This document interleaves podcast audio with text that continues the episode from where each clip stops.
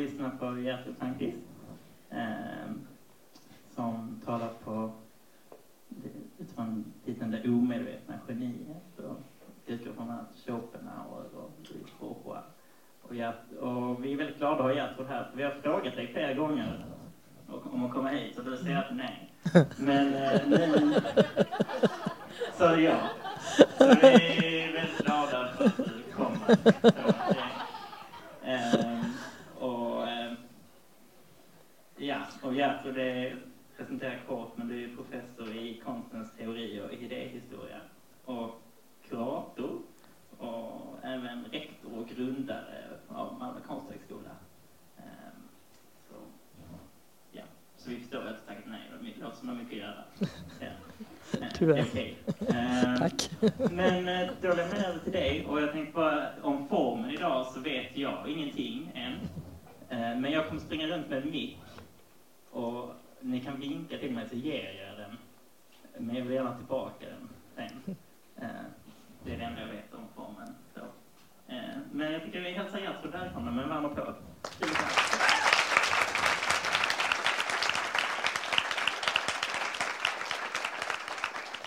Ja, tack så mycket och väldigt roligt att vara här. Väldigt roligt att se så många här. Eh, Anledningen till att det ser ut så här beror på att jag har väldigt svårt för att stå på ett podium och tala till människor.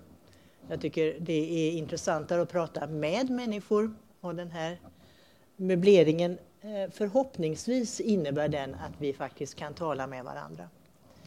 Eh, så att det är därför som Loke ska gå runt med micken. Eh, jag tänker att är det någonting ni vill kommentera eller tala om eller fråga eller vad som helst så eh, räck upp en hand och så går du dit, Loke, eller hur? Eh, och det beror på att jag tror att det som jag tänkte vi skulle prata om idag lite grann eh, är någonting som är både upprörande och kanske provocerande och attraktivt. Nämligen eh, tanken på, eller bilden av, eller föreställningen om konstnären som geni. Eh, och med det menar jag ett geni som eh, stiftar sina egna lagar. Eh, och allt en, ett geni gör är fulländat. Och allt ett geni gör är rätt.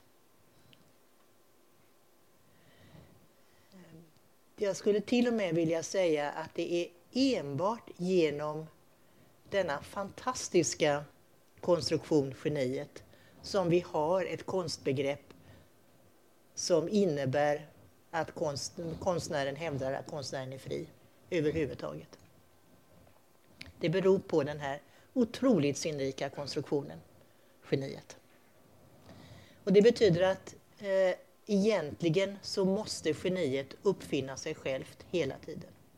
Och på sätt och vis så finns inte konst, utan konst måste uppfinnas igen och igen och igen. Och det beror också på bilden av geniet. Eh, innan ni säger att ja, men var är kvinnorna när det gäller geniet? Så säger jag att det är helt riktigt. På mitten av 1700-talet, när man grundade bilden av geniet, då var inte kvinnorna med. De är med idag däremot. Är det någonting som har hänt sedan mitten av 80-talet, det är att den ena kvinnan efter den andra utropas som geni. Eh, senast jag hörde det var Maria Lassnig, men den vi ska prata om och som verkligen har eh, tagit till sig tanken på att hon själv är ett geni, det är Louise Bourgeois. Och henne ska vi prata om mera om på söndag. Och vi ska tala om vad det är hon vinner med att vara ett geni. Hon blev ett geni när hon var i 80-årsåldern och fortsatte tills hon dog 95 år gammal, lite drygt. Vad är det som hon vann genom att bli ett geni? Eh, och det allra första man kan säga med ett geni, det är att geniet innebär att man kan vila från sig själv. Det är alltså raka motsatsen till vad man tror när man talar om genier. Eh, geniet vet inte om att det är ett geni. Om vi talar om denna väldigt speciella konstruktion som är 1700-talets omedvetna geni. Och ni har en bild av William Blake som är en, verkligen, om man talar om ett geni så är det verkligen någon man tänker på. Eh, och det här heter Albion Rose. Ni känner säkert igen den för det är en av de mest berömda bilderna av William Blake. Och ni ser att det här är själva arketypen av geniet. Eh, den här fria, eh, lyckliga, dansande guden, höll jag på att säga. Eh, Albion, det är naturligtvis England och eh, det finns en lång historia bakom det här men jag ska inte tala om det just nu. Utan jag ska tala om vad det var, vilka var det som, som eh, kom på idén om geniet egentligen. Geniet är alltså någon som inte vet om att då han, idag hon eller han, är ett geni. Eh, och vi ska tala om varför man kan säga någonting sånt. Vi ska också tala om vad det gör med en människa. Eh, geniet kan alltså aldrig säga att hon eller han är ett geni själv.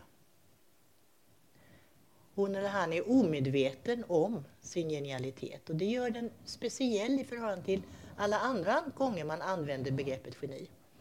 Eh, det är inte så att geni är någon som är fylld av snille eller fylld av, är väldigt, väldigt bra och så har en slags extra nivå som, en, som gör att det, det blir ett geni. Utan geniet, det konstnärliga geniet kan ingenting.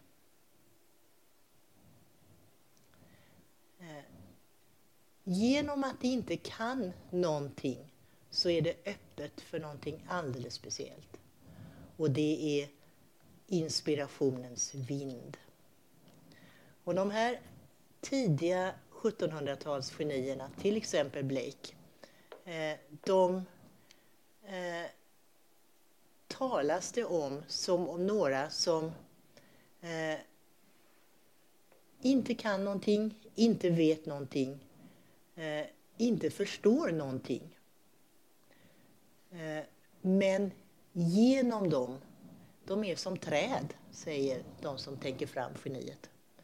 De är som träd som har sav, som har rötter, som har grenar. Och som ni vet så blåser inspirationens vind genom grenarna. Men trädet vet inte om att vinden blåser genom grenarna. Detta är geniet.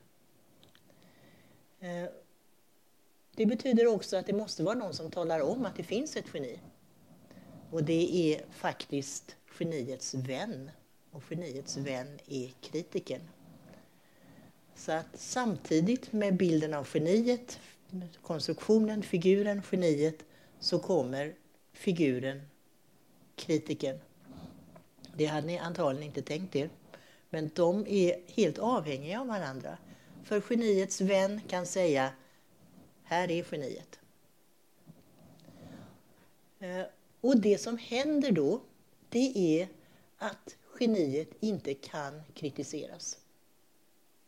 Geniet vet ingenting, geniet kan ingenting, geniet är helt omedvetet om vad det gör och allt det gör är ett mästerverk och det kan inte kritiseras. Ni förstår vilken alldeles speciell eh, bild det här är. Vilken, vilken otrolig frihet som geniet på det här sättet får. Och utan den helt fantastiska och helt osannolika bilden så hade vi inte haft konst som den ser ut idag. Vi hade aldrig någonsin talat om konstens frihet. Eh, och vi hade aldrig haft, eh, skulle jag vilja säga, psykoanalys heller, men det är en annan sak. Eh, vad är det då som händer med detta omedvetna geni?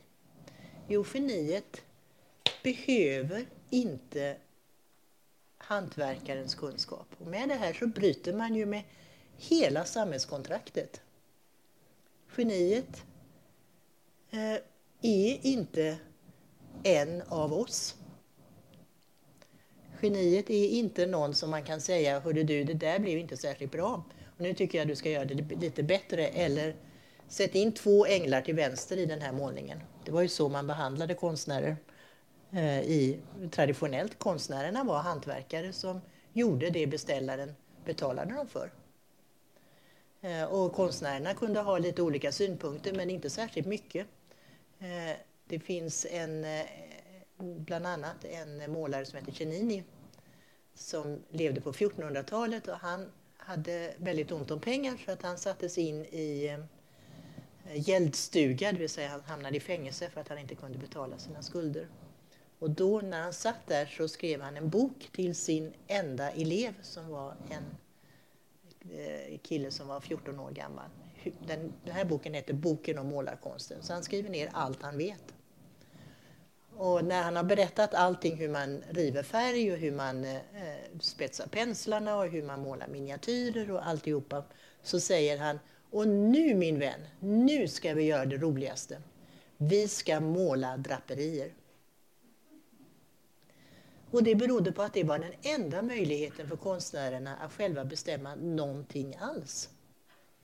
Därför att det var bakgrundsdetaljer som ingen beställare brydde sig om. Så draperierna, gå titta, när ni tittar på 1400-talsmålningar, 1300-tal, 1400-tal, 1200-talsmålningar, titta på bakgrunderna, titta på draperierna, titta på eh, det första stillebenet som är 1400-tal ungefär. Det är alltså sånt som ingen brydde sig om och därför kan konstnärerna göra lite grann vad de vill där. Men det var enda chansen. Och då förstår ni ännu mer vad, hur speciellt det var i mitten på 1700-talet. När allt det här bryts. Konstnärerna säger, ja, eh, tråkigt att du inte gillar det här men det, jag kan inte bry mig mindre. För det är inte jag som har gjort det här. Utan det är inspirationen som har gjort det. Jag är inte ansvarig för det, utan det är inspirationen. Och inspirationen är det ingen idé att du bråkar med. Eh, och det betyder att allt, alla föreställningar vänds upp och ner. Eh, vilka var det då som tänkte fram de här genierna? Ja, det var eh, präster i England framför allt, präster på landsbygden i England. Och så kanske ni undrar, ja men det här låter ju helt osannolikt. Hur kommer det sig att de sitter där och tänker fram en sån helt speciell figur som det omedvetna geniet? Med eh, trädet och med vinden och med alltihopa. Eh, och då får ni komma ihåg att de här prästerna är ju den tidens intellektuella. Eh, en landsortspräst var ofta andra eller tredje sonen till en adelsman i Storbritannien och hade ofta ganska lite att göra och väldigt ofta så var ämbetet köpt. Så att det var någon som placerade den här människan där. Och de bildade intellektuella grupper, inte alls olika aning skulle jag vilja säga. Det är alltså den typen av människor, fast det var inga kvinnor tyvärr, men eh, eh, unga intellektuella sökande män. Och de började tänka, vad finns det för alternativ till det de själva representerar, nämligen kyrkan? De märker på 1700-talet och med upplysningen att någonting händer. Kyrkan kan inte längre, och särskilt inte den protestantiska eller anglikanska kyrkan, kan inte längre eh, hålla, vad ska man säga, härbärgera det som man kan kalla för tro eller övertygelse. Eh, ingen tror helt enkelt på dem, den Gud som de lär ut och de själva gjorde det inte. Eh, men de ser att det är någonting som finns som är det man kallar för större än en själv. Eh, William Blake till exempel som vi ser här, han säger, han, en av hans främsta eh, böcker det var Bibeln. Och eh, han säger att eh, eh den som inte är poet eller målare är ingen sann kristen. Det är en väldigt speciell sväng. Om man inte för eh, konstens skull överger sin fader och sin moder så har man ingenting här att göra. Och där hör ni, ni hör ju travestin på kristendomen, på vad Jesus säger. Eh, så nu blir det konstnären som blir den som bär eh, andligheten, kan man säga.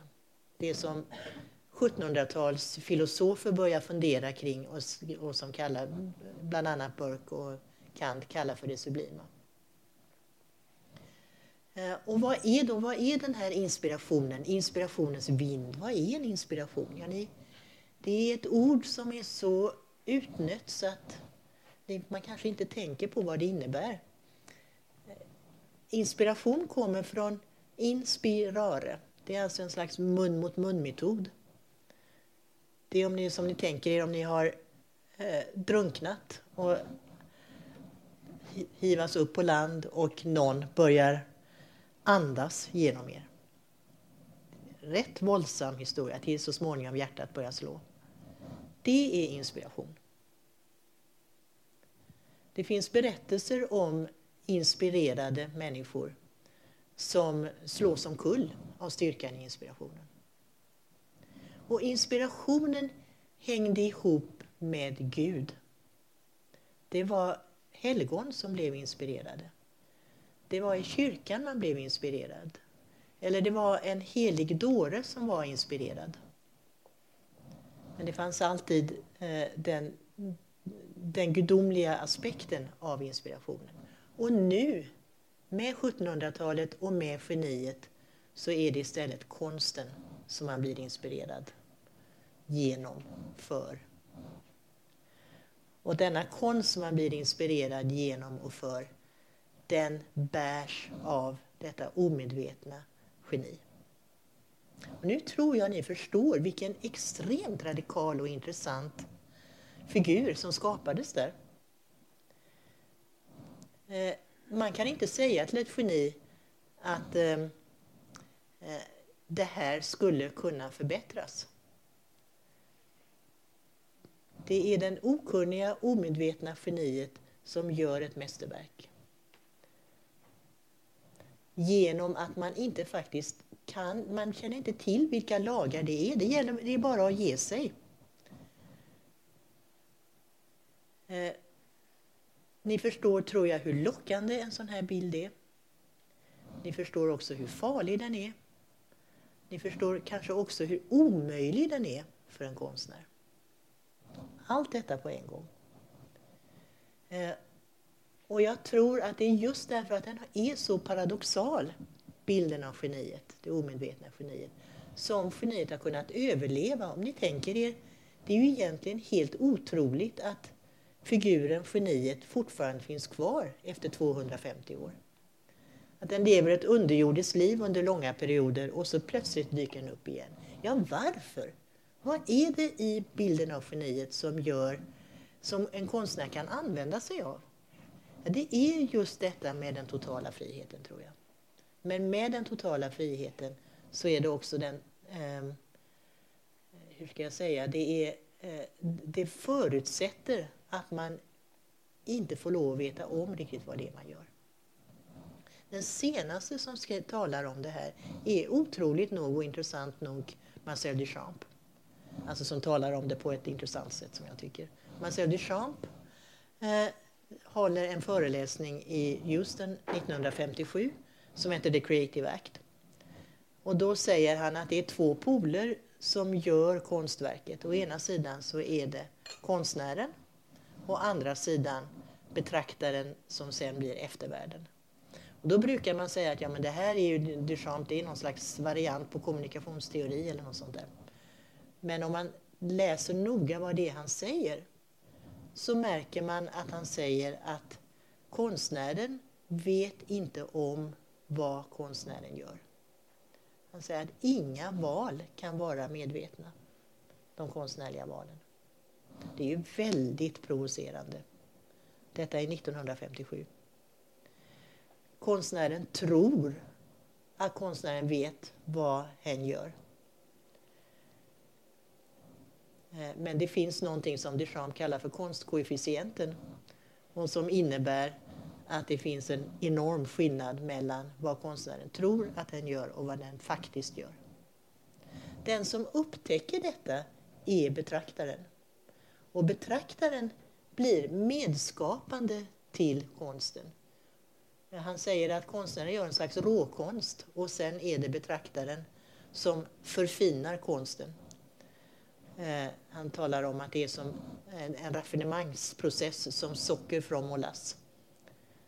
Och han talar om det som eh, mässundret i kyrkan. Ni får ju komma ihåg att Duchamp var uppvuxen som katolik. Så han talar om att det är som eh, eh när bröd och vin blir bokstavligen kött och blod. Det är det betraktaren gör. Och genom det så rycker han ju undan mattan för all form av kritik som ni förstår. Därför att i det ögonblicket som betraktaren engagerar sig i verket, som förädlar verket, så är ju betraktaren själv medskapande. Betraktaren kan ju inte då börja kritisera sig själv om man har någon någorlunda eh, förstår vad man håller på med. Så Duchamp som ju var en väldigt eh, bra schackspelare, han, å ena sidan så säger han konstnären är ett geni. Konstnären vet inte om vad konstnären gör. Men den som upptäcker konstnären, den som ser att det här är genialt, det är betraktaren och betraktaren blir medskapande. Det här är själva hjärtat av modernismen och hjärtat av postmodernismen. Plötsligt dyker genibilden upp igen vilket borde förvåna de allra flesta. Eh, och jag tänker nu ska vi se om jag klarar av den här tekniken. Ja, det gjorde jag. Eh, det här är också en Blake-lavering. Eh, eh det är inte så ofta man ser den, men det här var Yates favoritbild av Blake bland annat. Och det är en, eh, en sen lavering av Blake. Så han har inte själv eh, gett en titel men hans eh, vän, här har vi vännen igen, säger att det är en vision. Det är en hemlig vision. Blake såg ju visioner. Han, eh, de första visionerna han hade var när han var 22-23 år. Eh, då såg han eh, eh Kristus och apostlarna och en lång rad av munkar i Westminster Abbey. Och sen såg han med jämna mellanrum visioner och ibland målade han de här. Ehm. Så här ser det ut om man nu följer de här berättelserna om geniet inne i ett genis rum. Det är tomt. Eh, och det måste vara tomt för annars kan inte inspirationen komma. Eh, den eh, senaste konstnären som jag känner till som har just uttryckt sig på precis det sättet är Agnes Martin. Hon säger att jag föredrar att ha ett tomt, eller vacant mind, tomt sinne, så att inspirationen ska kunna komma in. Ehm, är det någon som tycker att det här låter helt idiotiskt så var gärna, säg gärna detta nu. Eller har kommentarer. Ja, det,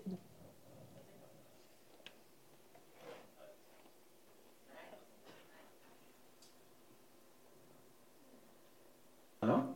Ja, ja snyggt. Nej, men jag bara tänkte, eh, så som du målade upp det, så associerar jag till Lacans begrepp urfader. ja. Nästan. Alltså, Eh, Psykoanalysen har ju en hel del gemensamt med eh, föreställningen om konstnären. Man kan säga på sätt och vis det som händer när psykoanalysen eh, kommer in på arenan. Freudiansk psykoanalys, men kanske inte minst lacaniansk psykoanalys. Eh, så är det ju att man eh, Eh, att istället för att man säger att inspirationen kommer så hittar man någonting i sitt omedvetna. Man använder sig av det omedvetna. Eh, vilket också är en paradox, lika mycket en paradox som att man säger att inspirationen kommer. Det är bara det att man lokaliserar det här på olika platser. Inspirationen tänktes komma utifrån. Det är ju den här vinden som kommer in. Eh, det omedvetna tänker man sig att det finns på något sätt inuti en människa. Och det är lättare, det är mer accepterat tror jag för en konstnär att säga ja, jag litar mig helt på det omedvetna. Det kan en konstnär säga utan att eh, någon tycker att det är egendomligt. Om man säger jag litar helt på inspirationen idag så kommer det att finnas människor som undrar om eh, personen i fråga är riktigt klok. Eh, men jag tror det är samma, det är samma styrka, det är samma krafter som man faktiskt eh, talar om eller använder sig av. Och att man, det finns en acceptans för att de bilder som konstnären säger kommer från det omedvetna allt ska accepteras. Det beror helt och hållet på genibegreppet. Det hade man aldrig någonsin accepterat om inte genibegreppet hade funnits. Det gör att man godtar vad konstnären hävdar. Och fortfarande är det nog så att konstnären kan inte själv säga detta utan det får vara någon annan som säger det. Det hänger också ihop med att i det ögonblick som det är någon annan som talar om det här så slipper ju konstnären allt ansvar. Eh, det finns ju till exempel en berättelse om Lars Hertevik som eh, brakade ihop mentalt i mitten på 1800-talet och eh, när man sen i den här lilla norska småstaden visade hans bilder så går han runt och han förstår inte att det är han som har gjort målningarna. Och då säger han, ja men den här Hertevig han var en riktigt bra målare. Det skrattar man åt lite grann därför att man tycker att eh, det, är, eh, det är så en galen konstnär talar. Men det är just denna eh, känsla av att har jag verkligen gjort det här? Den kan, tror jag, många konstnärer känna igen. Inte därför att det är så väldigt märkvärdigt utan därför att källan kommer någon annanstans ifrån. Det är, om man pratar om Lacan så är det en annan plats än där man säger att man finns. Det, det är en annan ställe än där man säger jag. Och det är den acceptansen att, man, att det går att arbeta med den typen av icke-jag som eh, genibegreppet banade väg för. Och det är det som psykoanalysen tar upp sen, menar jag. Eh, Innan jag, tänk, innan jag går in på att prata om vad det var för något eh, vad, hur det här broderades ut kan man säga. Inspirationen, nämligen om Burke och Kant och det sublima. Så vad säger ni? Är det någon som har kommentarer kring det här?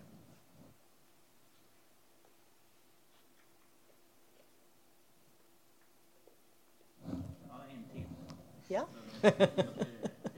Märker jag väldigt provocerad. vad bra. Den målar liksom och tänker...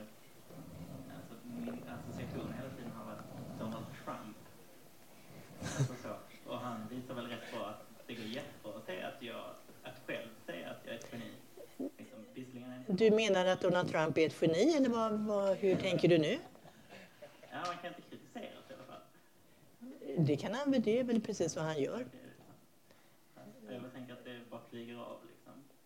På något sätt. Ja, ja, alltså nu har jag varit väldigt dålig om jag har sagt att, eh, så att du tror att Donald Trump är, uppfyller det här 1700-talets genibegrepp. För eh, det gör han inte. Han, han är motsatsen.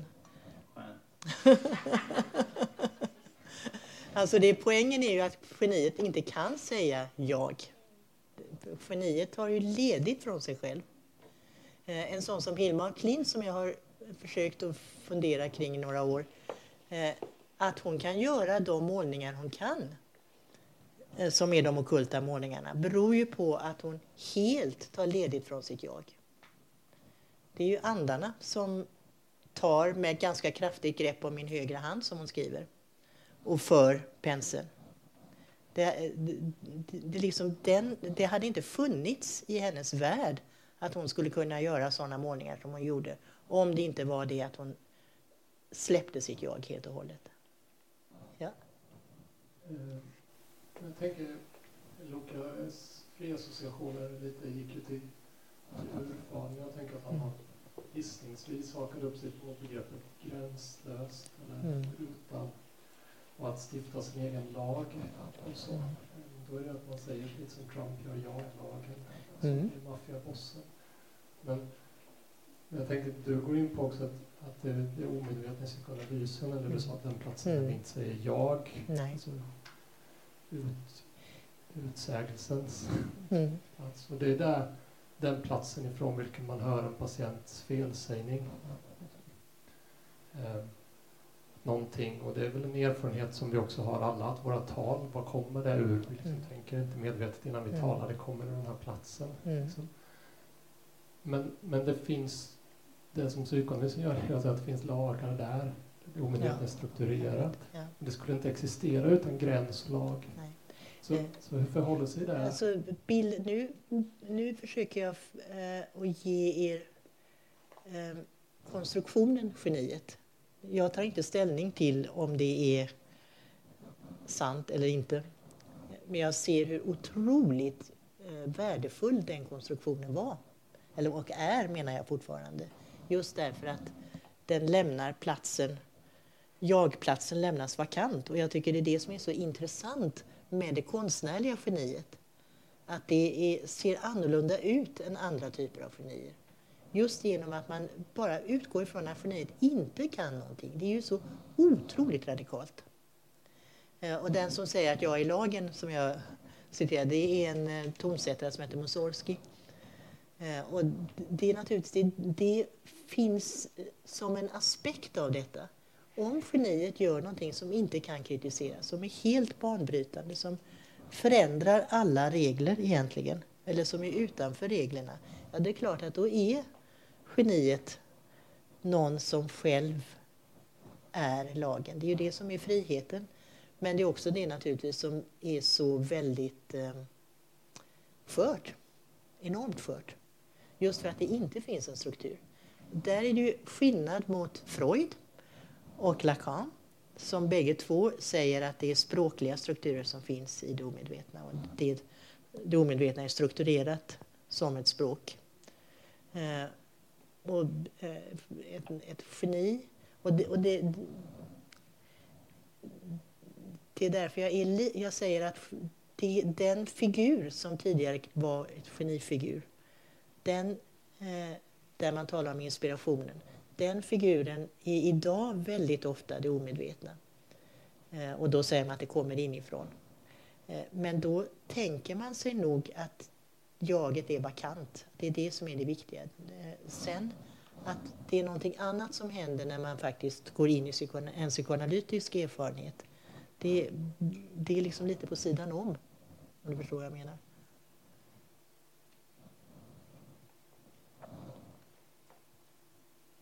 Det är rasande intressant att lyssna till dig. Eh, jag är inte psykoanalytiker själv, eh, men, utan teolog och, lyssnat, och jobbat mycket med nazismen och Tredje riket. Och jag bara tänker högt eh, om geniet ställer sig i det diaboliska tjänst, alltså helt omedvetet mm. ställer sig i rasismens tjänst, i människoföraktets tjänst. Mm som faktiskt skedde under mm. 30-talet i Tyskland och även i Sverige. Mm. Um, hur hanterar man det geniet? Ja, nej, men jag håller med dig. Det är farliga krafter.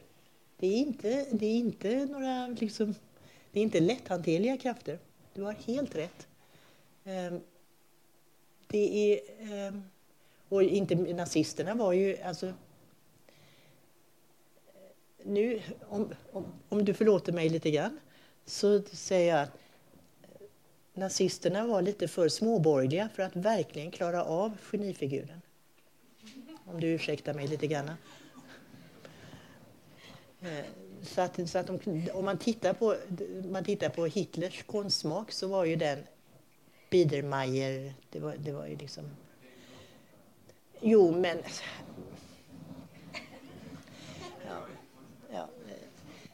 Men det finns, det finns den här figuren att det inte finns några gränser som eh, egentligen, alltså, ja nu går jag långt in i, men Nietzsche är ju en slags inverterad Kristus. Eh, och Nietzsche eh, talar ju om eh, överjaget och övermänniskan eh, i, som jag menar, en fantastisk skuldångest egentligen. Eh, och det är det som liksom går in och ut när han, när han håller, har Ecce Homo till exempel, figuren. Eh, nazisterna plockade ju bort skulden helt och hållet. Och då finns det övermänniskofiguren, men övermänniskofiguren är inte geniet. Jag kan bara eh, försöka så gott jag kan och, och liksom ringa in att det är inte en övermänniska. Utan geniet är någon vars jagplats är vakant. Det är ju det som är så intressant. Och, så att det, är, det är en liten skillnad där, men jag förstår helt och hållet vad du talar om. För det, visst. Och det här att det inte finns några gränser, det är ju väldigt typiskt för geniet. Eh, och jag tror att eh, det är en, var en protestantisk präst som hette Oscar Pfister, tror jag, som eh, först talade om den oceaniska känslan. Och den oceaniska känslan, det är ju någonting som är, ligger väldigt nära genifiguren. Känslan att det finns inga gränser, det finns inget jag. Allt glider ihop, all, allt, allting är en stor icke-jag-situation. Och det är ju många konstnärer som har talat om det, att de känner igen den känslan. Eh, och vågar man sig in i det så är detta genikänslan. För det är alltså nästan innan jaget bildas. Det är denna oceaniska föreställning att allt, det, det finns inga gränser mellan människor egentligen.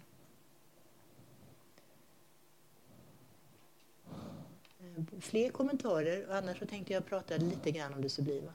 Mm. Eh, hon hade ju eh, en Gustav Thibon som samlade hennes texter efter hennes liv och så. Mm. Men eh, hon hade ju en extrem längtan att, att få liksom avskapa sig själv för att få bli ett med Gud mm. och så. Då, men Simone Weil blev ju, hon fick ju en, Eh, en väldigt stark religiös erfarenhet kan man säga. Eh, som bröt igenom allting. Och de här eh, figurerna eller, eller tillstånden eller känslorna eller insikterna har, härbärgeras ju traditionellt i religion. och gör fortfarande. i väldigt många, inte, nu är väst, europeiskt västerland så otroligt sekulariserat men om, om du går till var som helst utanför den här lilla trånga gränsen så är det ju väldigt ofta så att det är religionen som härbärgerar de här eh, otroliga känslorna utav att man sprängs helt enkelt. Eh, och i Simone Weils fall så får man komma ihåg, vem var hon god vän med under en period? Jo, det var ju Georges Bataille. Bataille och Simone Weil Eh, eh, var väldigt nära varandra 1934-1935 ungefär. Och det berodde ju bland annat på att de bägge två hade den här väldiga religiösa intensiteten, hävdar jag. Fast det, eh, Bataille eh, var nietzschean och kom liksom in i lite annan en lite, kommer in från ett lite annat håll. Men de är ju bägge två eh, stora religiösa mystiker menar jag. Men skulle hon liksom passa in där i den här... Eh, Eh, ja, det, det, det, jag, det jag menar är att genifiguren den är ju hämtad från religionen. Det är det som är speciellt på 1700-talet. Det är att det är konsten som upp, upp, eh, härbärgerar genifiguren. Och det är väldigt påminnande rörelser som tidigare och i andra sammanhang härbärgeras av religion. Bland annat gränslösheten.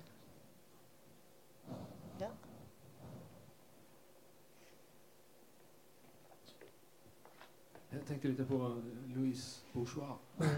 När hon pratar så eh, verkar inte hon så intresserad om hon, huruvida hon är geni eller inte. Oh, jo. Är det det? Det är så, det är fel? Ja. Ja. Det känns mer så här att eh, hon, hon berättar att hon måste göra det här. ja, men det är ju ett typiskt geni. Ja, men det ena...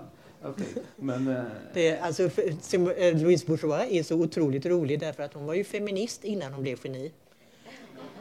Och eh, Ja, när hon blir geni, och det sker i Village Voice 1995, då är det en intervju med henne och då säger hon nej till feminismen helt och hållet. Och sen så repeterar hon 1700-talets omedvetna genifigurer. Hon säger jag har ingen aning om var det kommer ifrån, jag vet ingenting. Det, det är omedvetet naturligtvis, men annars så vet jag ingenting. Det bara kommer i det eftersom jag måste göra det. Jag är tvungen att göra det. Det- det drar mig där. Som um, geni då. Ja, alltså då, då är hon, eh, eller hon säger att det drar henne, jag måste göra det här. Mm. Eh, Och detta kan hon göra därför att hon får tillåtelse till att fylla i genifiguren. Mm. Min fråga var egentligen... Eh, alltså, det finns liksom två, två sätt att se det. Geniet som en leverantör eller med, med ett medium av någonting. Och sen säger man det här är ett verk av ett geni. Mm. Kanske. Det, men eh, den här pers personen kanske, som om sig själv säger att jag är ett geni, kanske alltså, har en idé om vad det är, så kanske inte stämmer med vad ja, i övrigt folk menar med det och så vidare. Det är, ja.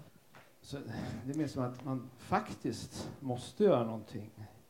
Och så blir det någonting och då, ja, liksom. Alltså, eh, Louise Bourgeois eh, tycker jag är, det är så roligt att se därför att hon leker så mycket med genifiguren. Plus att någonting som man inte talar om heller, hon gick i psykoanalys varje dag. Från 1965 till 1995 då hennes analytiker dog. Så hon gick alltså i analys varje dag i 30 år. Och, det, Eh, och hon talar, hon, det finns ju efter eh, hennes efterlämnade papper, där skriver hon hur otroligt viktig psykoanalytikern var för henne. Han förlöste henne. Han, och tyvärr så säger hon väldigt sällan detta offentligt därför att det gick inte i USA vid den här tiden. Det, det skulle Louise Bourgeois säga, istället för att säga jag är ett geni, säga jag är helt beroende av min psykoanalytiker som eh, förlöser mig. Det hade inte gått. Där ser man hur trångsynt eh, konstscenen är. Man kan acceptera att hon 90 år eller 80 år gammal blir ett geni. Men man kan inte acceptera att hon har detta samarbete med sin psykoanalytiker. Eh, men hon använder sig med stor glädje och stor lekfullhet av denna etablerade genifigur. Och jag tycker det är fantastiskt att se hur hon gör det. Sen hade hon, hade hon en assistent som, som väl är hjälpte henne från att slå sönder sina eh, skulpturer. För det var ju den andra eh, risken. Hon, skri, hon sa att hon tyckte det var underbart att slå sönder marmorskulpturer. Eh, men assistenten hejdade henne. Men detta är lite dubbelt. Vi ska prata om det här på söndag. Därför att den här assistenten, mot slutet av hennes liv när hon var väldigt gammal och väldigt trött, då satte assistenten henne framför en bunt med akvarellpapper här och så hade hon färgen här. Och sen producerade hon teckningar och målningar. Så tog han undan det nästa, tog undan det därför att eh, genom detta så blev hon ju också kommersiellt eh, en väldigt eh, eftertraktad konstnär. Så det är, det är lite dubbelt. Vi ska prata mer om det på söndag.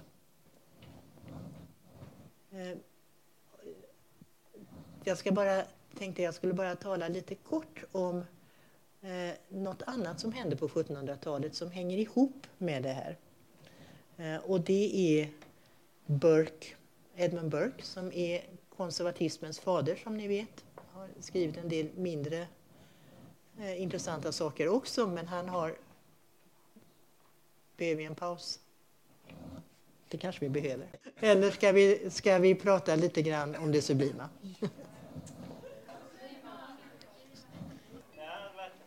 Okej, okay, jag pratar dubbelt så snabbt så är vi...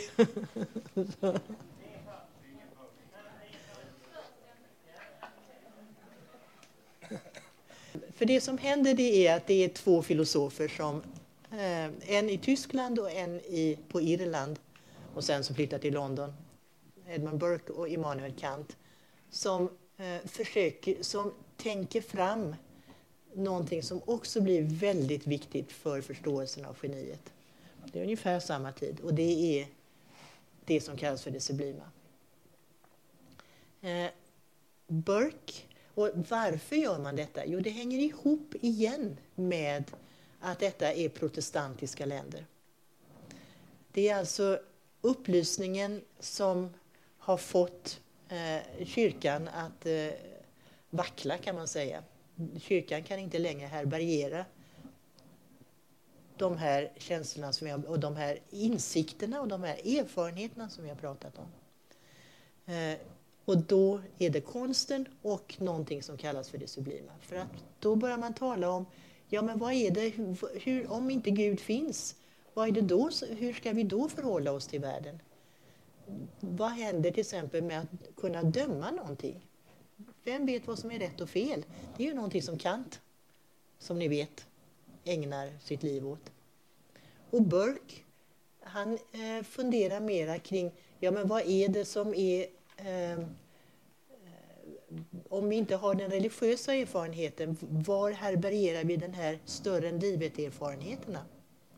Och då går han in i någonting som han plockar upp från eh, Boileau och Boileau plockar upp det från en romersk retoriker som heter Longinus och det är figuren, det sublima.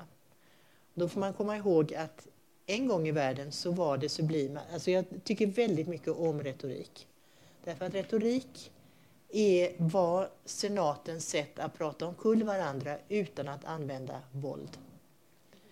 Det var, ett, den, det var ett sätt att man talade. Man var, den som var skickligast i att tala fick de flesta anhängarna istället för att man slår varandra i skallen.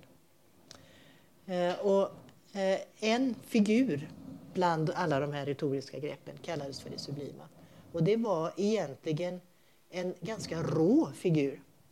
Så det var, man tänkte sig en soldat som, som kommer direkt från kriget, eh, springer in i senatens hall, smutsig och dammig precis som han är och så säger han att nu får ni sluta att prata för kriget står framför dörren, fienderna är vid, eh, vad det nu kan vara, Eh, Colosseum. Det är en sublim figur. Så det finns något rått, något oborstat i den sublima figuren. Och det plockar Burke upp och så säger han att det sublima det är negativ njutning. Det är alltså en nära döden-upplevelse. Och det är lättnaden när verken har släppt. Han säger att adderad njutning, det är det sköna. Det blir vackrare och så blir det vackrare och så blir det vackrare och så blir det ännu vackrare och till slut blir det inte så mycket vackrare. Utan ytterligare en liten njutning liksom gör inte så jättemycket.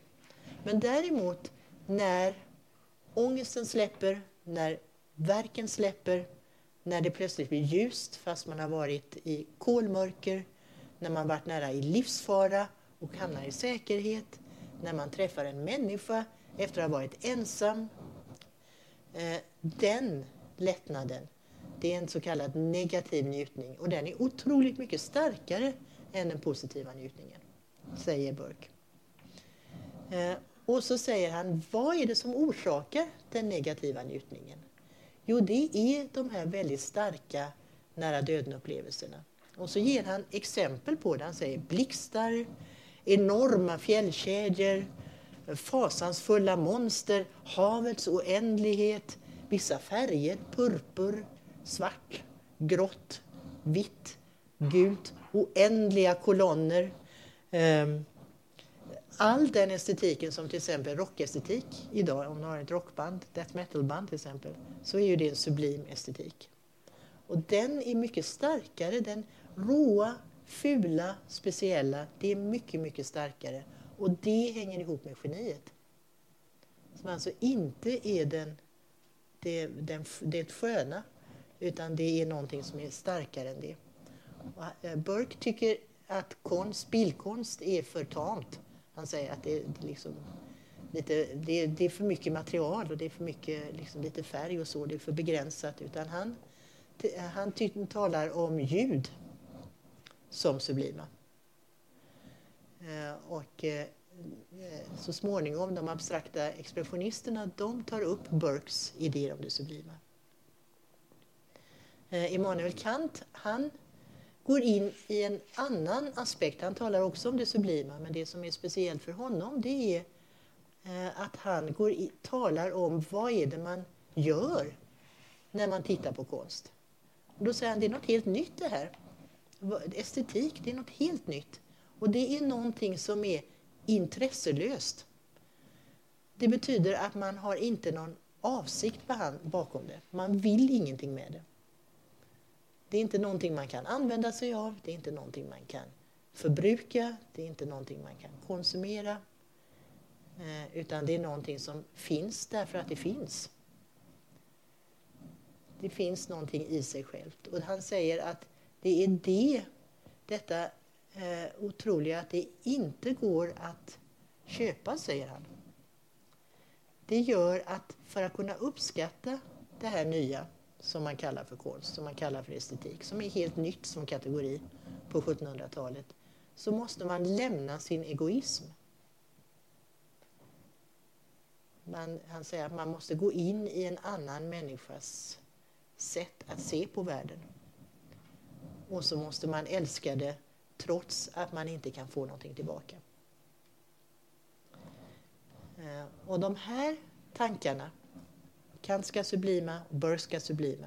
Det liksom ger ytterligare stadga till den här från början väldigt enkla figuren om det intresselösa geniet. Geniet blir då någon som eh, vännen kan tala om för någon annan att eh, man eh, uppskattar någonting som man inte kan ha nytta av. Eh, det, det djupt ironiska i allt detta det är ju att kapitalismen och galleriväsendet ser att det går så otroligt lätt att sälja någonting genom att man hävdar att det är genialt.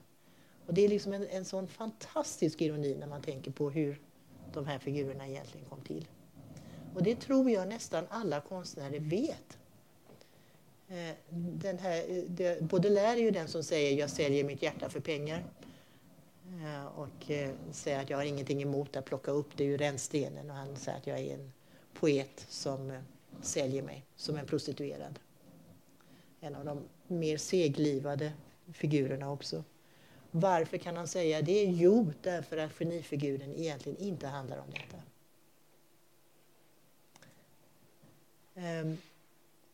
nu tar vi en liten paus, tänker jag. Då var pausen över. Och så välkomnar vi alla tillbaka. Ja, jag vet inte. Du- Ja. Eh, nu blev det tyst, men eh, jag tänkte att nu är det ju, hoppas jag att vi fortsätter att prata. Så jag undrar om det finns kommentarer eller frågor eller erfarenheter eller någonting ni vill dela med er. Eller... Jag prata lite mer om eh, Louise Bourgeois? Ja, gärna.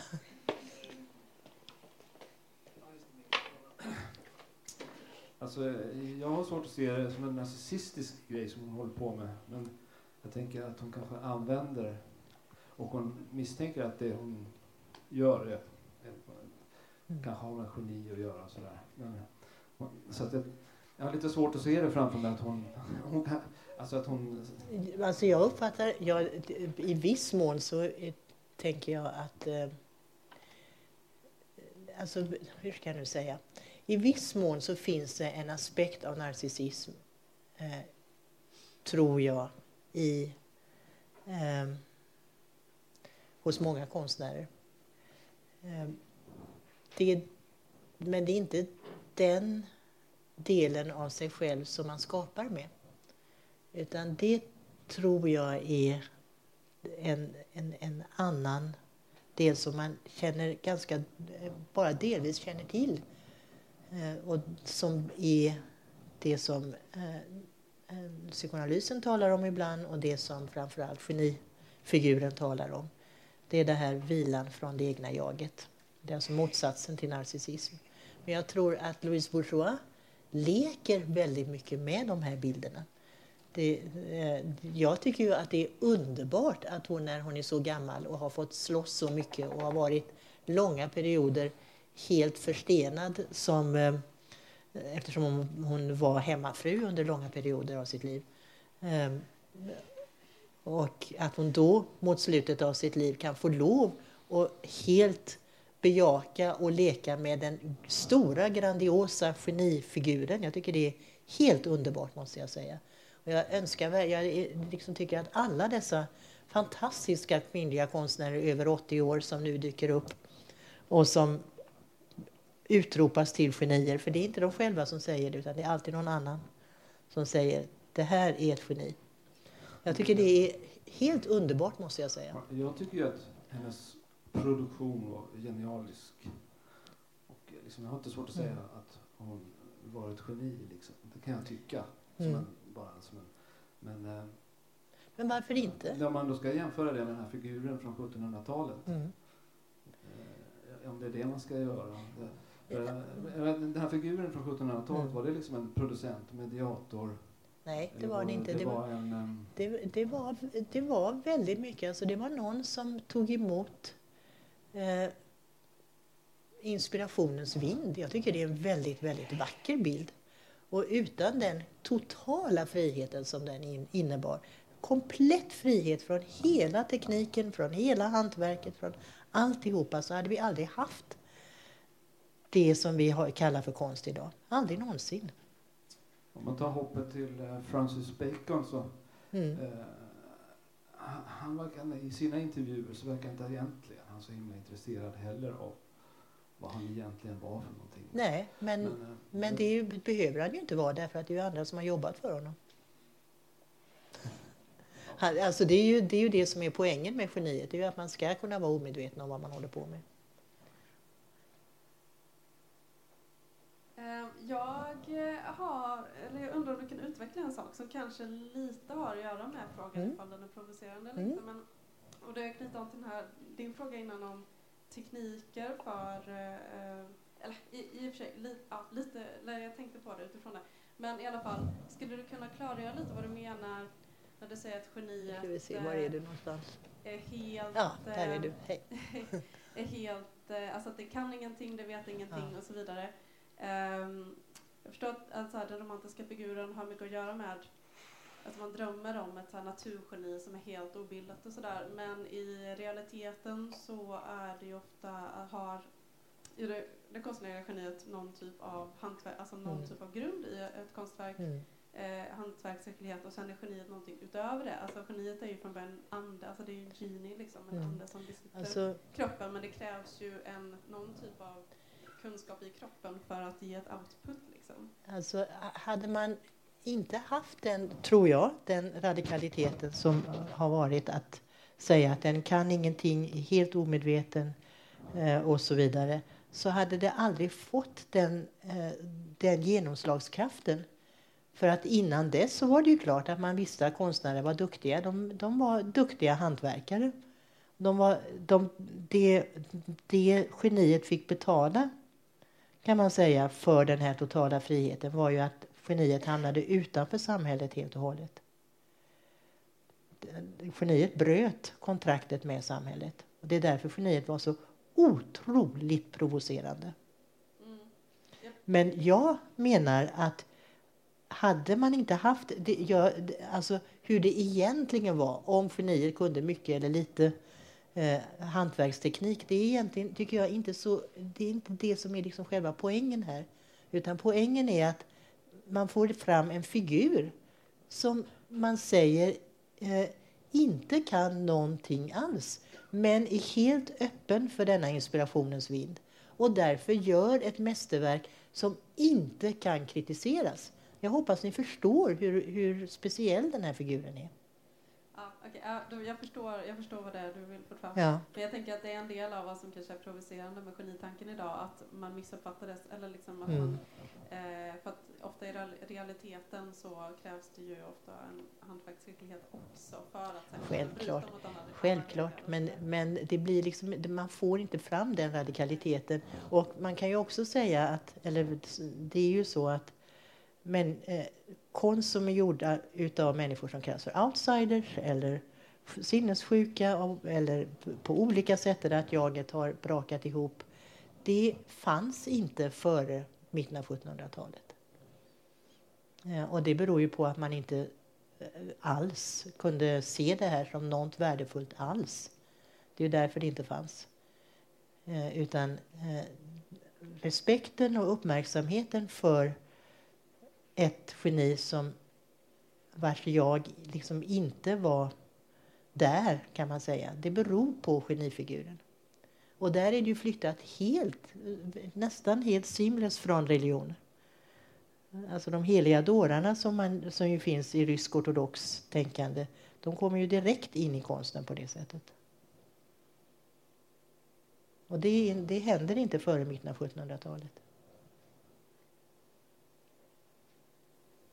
Hej. ehm, Jag, blir, jag sitter här längst bak och blir rätt så provocerad för, Vad bra. ja, eh, ja, för avsaknaden av eh, sociologisk förklaring till, eh, en social förklaring till genibegreppet.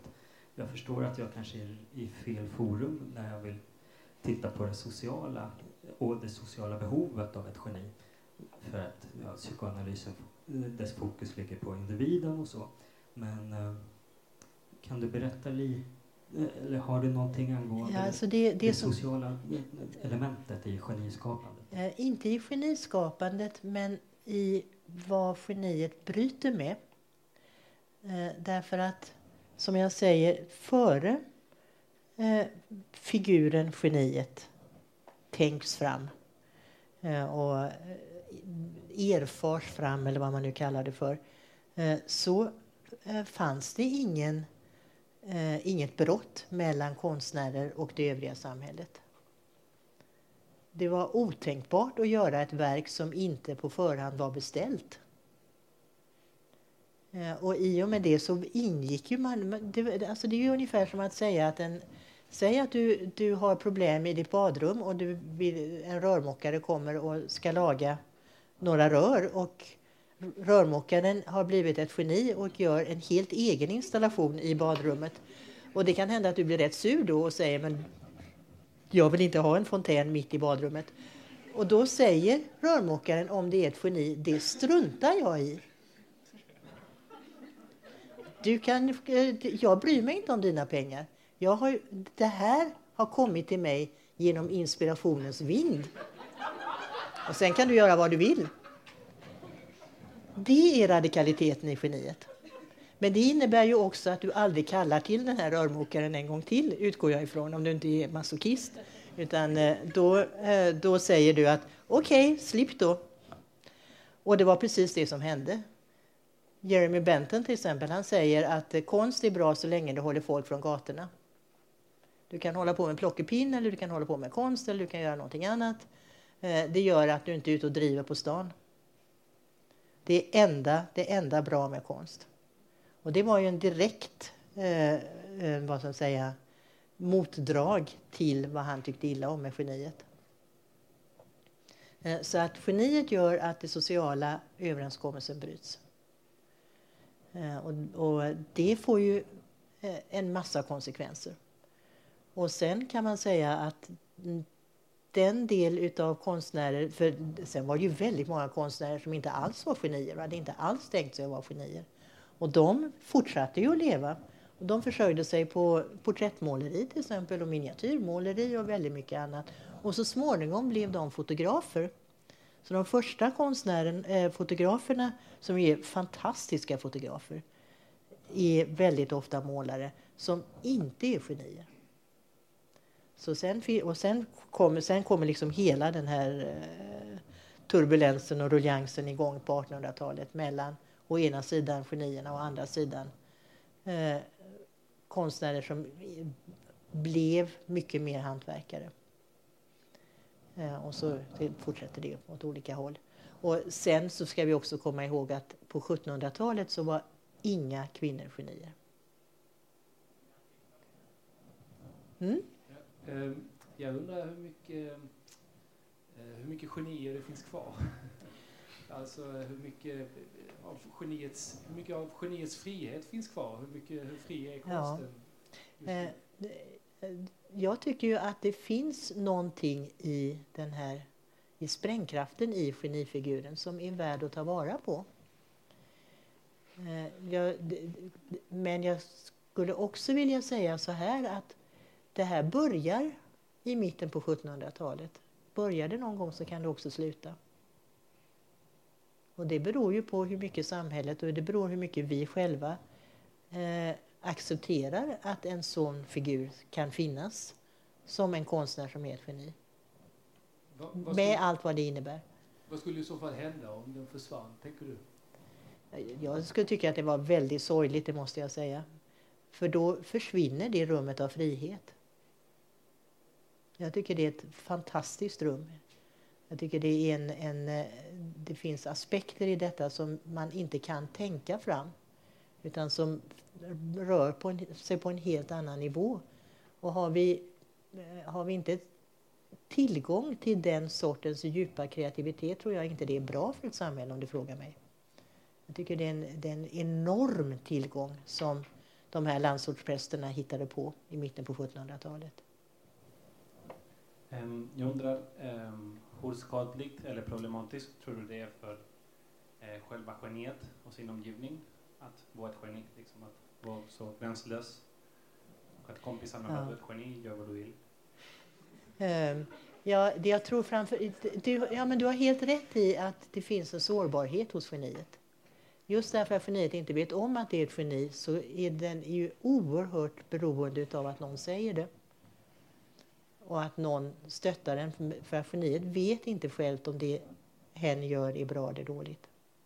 Man, man blir ju utlämnad på det sättet, väldigt utlämnad. Det är helt riktigt. Nej, men det du säger kommer att tänka på just kritikerns eh, också kanske då väldigt eh, destruktiva roll mm. som eh, att avförklara geniet, dess genialitet. Jag tänker på ja, Andersson till exempel som en filmare som vars eh, tidiga verk också upphöjdes till eh, genialitet och en väldigt eh, naturligtvis kreativ vision som han arbetade med. Men han blev stoppad av kritikerna. Där är klart en mycket svårare situationer som det behövs mycket pengar för att göra film. Mm. Men så det gjorde att han gjorde ett väldigt stort avbrott och han har väl kommit tillbaka sen på sätt och vis då men kritikerns roll har ju, är väldigt stark i det här mm. sammanhanget. Mm. Vad tänker du om det? Ja, det är inte bara, den, det är inte bara eh, institutionen kritiker som vi har den idag utan den det, om man går tillbaka och ser vad var kritiken, ja det var ju vännen. Det är ju vännen som står vid sidan om konstnären och säger här är min vän, min vän är ett geni. Um, och att en konstnär behöver en vän, det är jag alldeles övertygad om.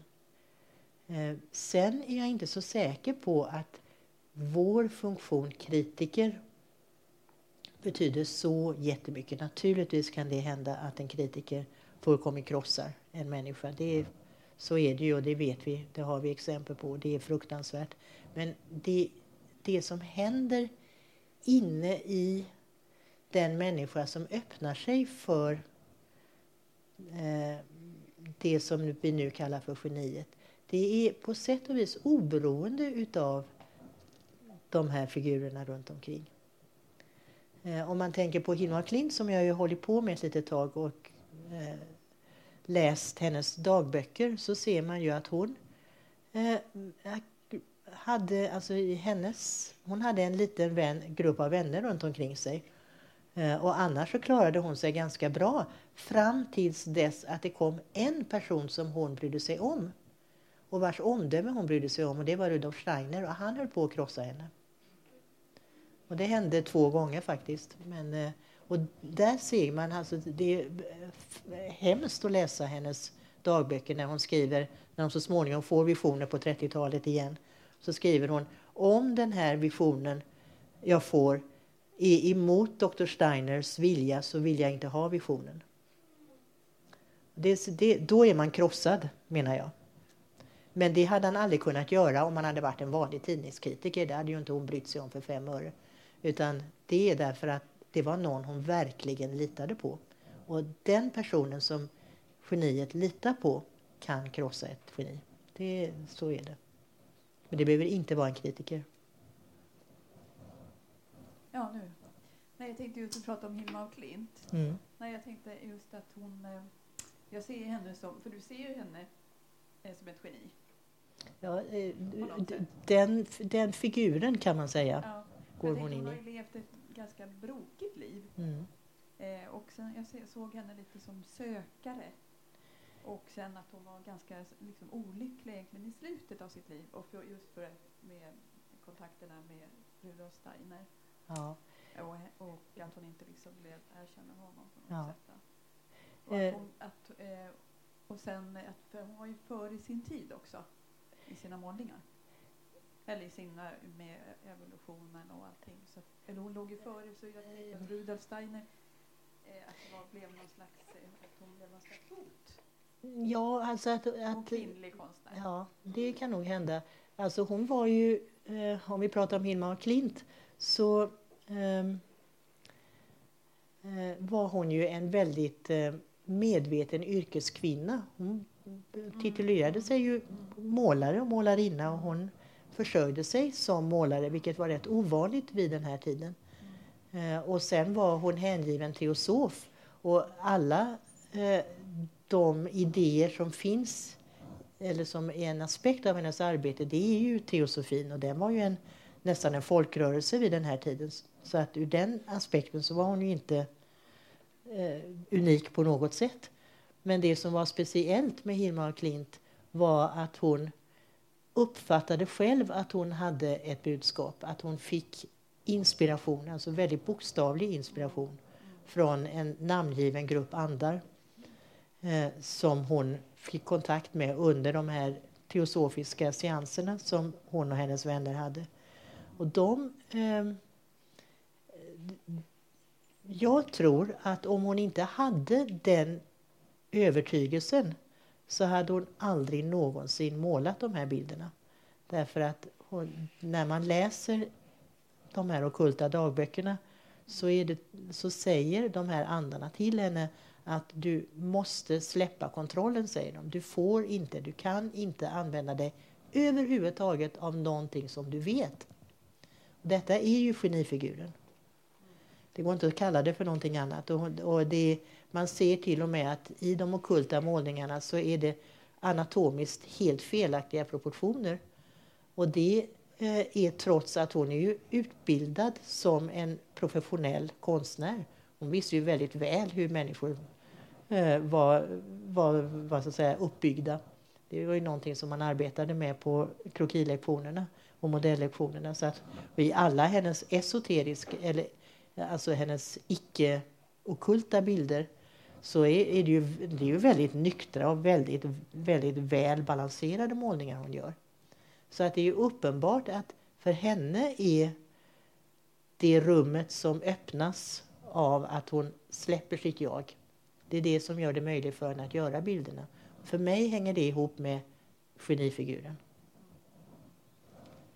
Eh, jag tänkte knyta kanske till nästa föreläsning vi har här om dödsdriften, mm. excesses man's being. För jag tänkte på det här det sublima och Burke då mm. beskrev det som negativ njutning. Mm. Så. På ett sätt så tyckte jag att det sublima, och jag tror att det beskrivs så också på vissa håll, att det mer är en slags nästan, men det som idag Lacan kallar jouissance, mm. alltså det är en, en, nästan ett överskott av njutning, mm. en smärta i njutning, mm. liksom, bortom en gräns. Så, och jag tänker att det finns i de här exemplen du gav där, hårdrocksestetiken mm. eller havet eller monstret eller mm. sådär. Det finns något extatiskt i det, inte bara en lättnad från ångest, liksom, mm. utan nästan för mycket ångest mm. i det samtidigt. Ja, alltså Burke, om man följer Burke så talar ju, Burke är ju en ganska eh, vad ska jag säga, stadig figur. Han, han, eh, eh han kommer på det här och han, han talar om att det är den här negativa njutningen. Eh, om du drar det vidare och tänker dig... Nu tänker jag faktiskt på Bataille väldigt mycket och jag tänker på aspekter av fascismens estetik. Ehm, så har tycker, håller jag helt med dig. Det är excessen och det är eh, dödslängtan och det är den enormt starka ångesten. Ehm, jag håller fullkomligt med dig. Och sen eh, var ju Bataille och Lacan väldigt nära vänner. Så det är klart att det här spiller över mellan de två kan jag tänka mig. Och där ligger ju döden och det är det som fascismen var så fascinerad av. Det var ju dödsestetiken som också ligger i det sublima.